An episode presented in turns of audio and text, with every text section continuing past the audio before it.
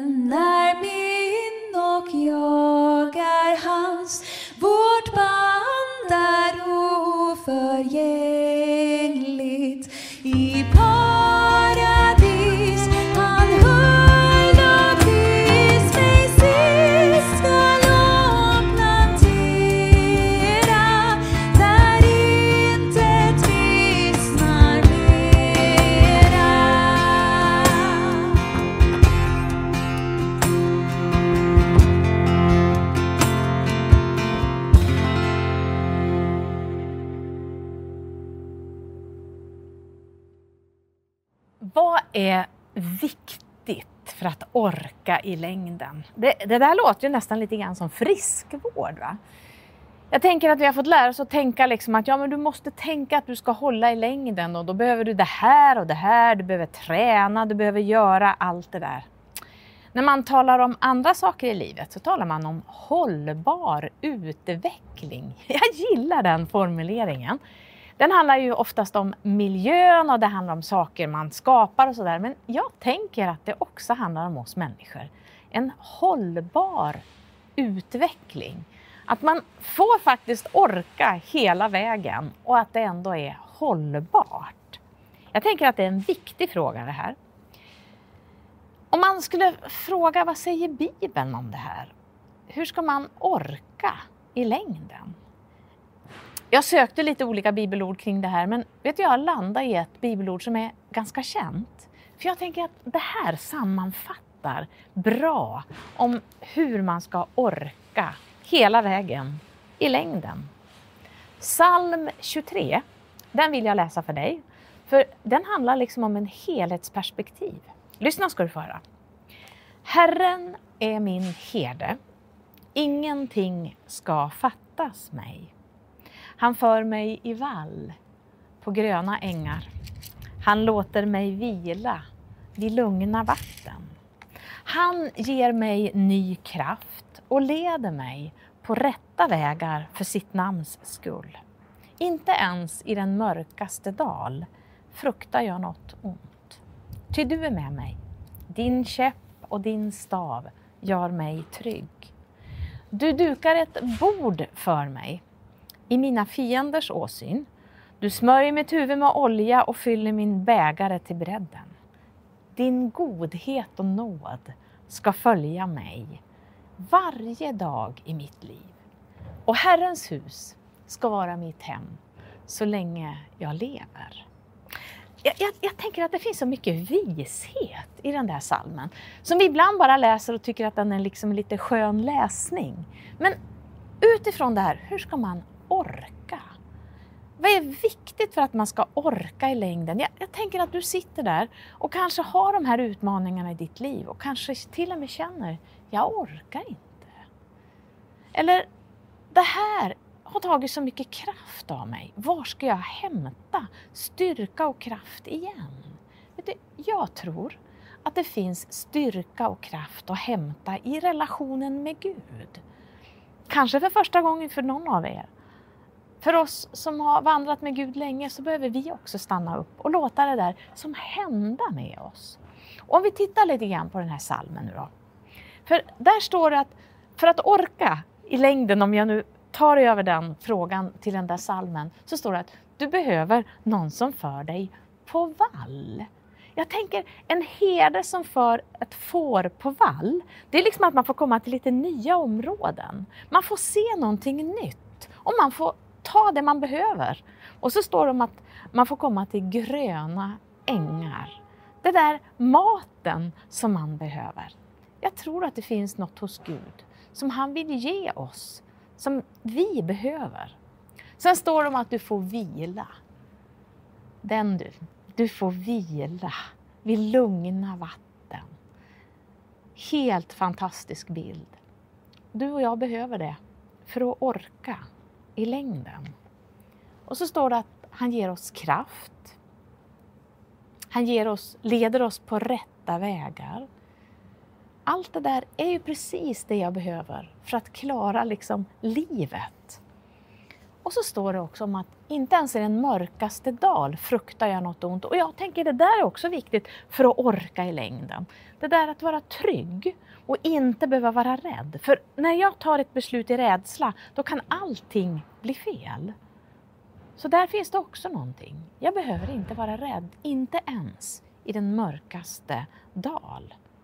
Och så står det att godhet och nåd ska vara mina följeslagare i hela, i varje dag i mitt liv. Att få ha det över sitt liv, det gör att jag kan orka och hålla ut i längden. Jag ville ha med det här som en grund för att jag vet att Gud vill att du och jag ska orka i längden.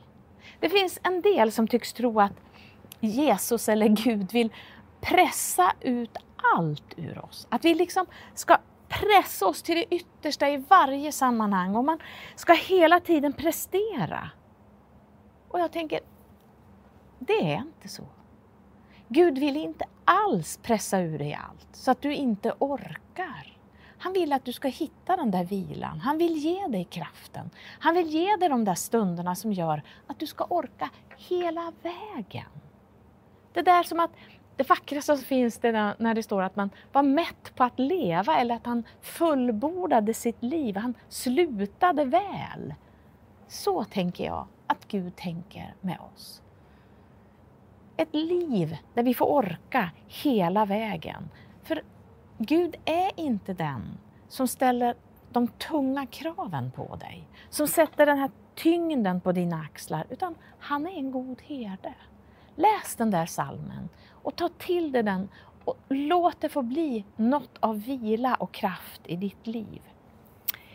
Nu ska jag vilja ta med dig till en dimension till i den här tanken. Hur ska man orka i längden? Vad är viktigt? För Jesus själv ger en dimension till i ett sammanhang. Han talar om mat. Du vet det där grundläggande behovet. Vi behöver maten. Vi behöver det för att få ork, för att kunna växa, att få den näringen så liksom allting ska fungera i livet. Det finns ju så mycket olika näring, det vet vi, då det gäller maten och kosten. Så maten är ju viktig vad den också består av för att orka i längden. Och så säger Jesus så här, du ska få höra vad det är som är hans mat. Alltså det där som ger honom kraften och orken. Så här står det i Johannes 4 och 34. Jesus sa, min mat är att göra hans vilja som har sänt mig. Att fullborda hans verk. Det är otroligt starka ord som Jesus säger. För han talar om att min mat, alltså det som ger mig kraft, det som ger mig styrka, det som är näringen i mitt liv, det är att göra hans vilja som har sänt mig. Att göra det uppdraget, det var liksom det som gav honom kraften att orka hela vägen. Att fullborda hans verk, säger Jesus. Och jag tänker det är precis det han gör. Jag tror att Jesus är något på spåren här. Vi behöver ju den vanliga maten, det vet både du och jag. Men, men det Jesus talar om, det är det där andra som ger kraft och näring till mitt liv. Min mat, den där som ger mig näring eller som gör mig bara tyngre. Vad är det för någonting? Ja, men jag tror att det är precis som Jesus, som för Jesus. Att göra hans vilja som har sänt mig, alltså att göra Guds vilja. Det är den sanna maten. Den där som ger rätt näring, rätt kraft för att orka hela vägen. Och vad är hans vilja då? Ja, men Jesus han säger så här. Jag har ett bud och det är att ni ska älska varandra. Och när han sammanfattar hela Gamla Testamentet och alla lagens grundpelare så säger han, du ska älska Gud. Av allt ditt hjärta, av all din själ och hela din kraft och din nästa som dig själv. Det är liksom att det är maten. Det är det som ger näring, att leva i en relation med Gud, med andra människor och i en varm relation med mig själv. Tänk om det är så, att det är det det handlar om för att du ska få kraft i ditt liv och orka. För att orka i längden. Jag tror att det handlar om att jag behöver få leva för någonting som är större än bara mig själv. Tänk att få leva i Guds vilja. Han som har allt i sin hand och vet vad som är bäst både för mig och hela världen. Att få leva i hans vilja, det ger kraft och styrka för hela livet. Att finnas för någon annan. För det är ju det Jesus gör med hela sitt liv. Jag vet att det tar kraft. Men det ger kraft. Jag satt med en kvinna och pratade och hon jobbar med människor i ett sammanhang, i ett ungt sammanhang där det är så tufft. Och jag sa, men hur orkar du? Nej, men det är det här som ger mig kraft. Det finns något gudomligt i att inte bara ha sig själv i fokus, utan att tjäna andra, att älska andra. Och det är det Jesus säger här. Min mat, det är att göra hans vilja som har sänt mig. Att fullborda hans verk. Och det handlar om att älska. Gud älskar dig. Han vill ditt bästa. Han är en god herde som vill ge dig det du behöver för att du ska orka. För att ditt liv ska få vara helt. Och Jesus ger oss tipset. Lev inte bara för dig själv.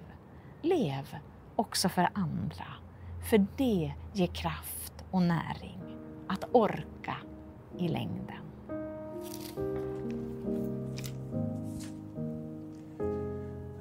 Tack så mycket Lena. Nu tänker jag, i början av predikan så sa Lena, det handlar lite om friskvård. Jag tänker nu är det dags för lite andlig friskvård. Nu kommer du få möjlighet att be tillsammans med mig till Gud.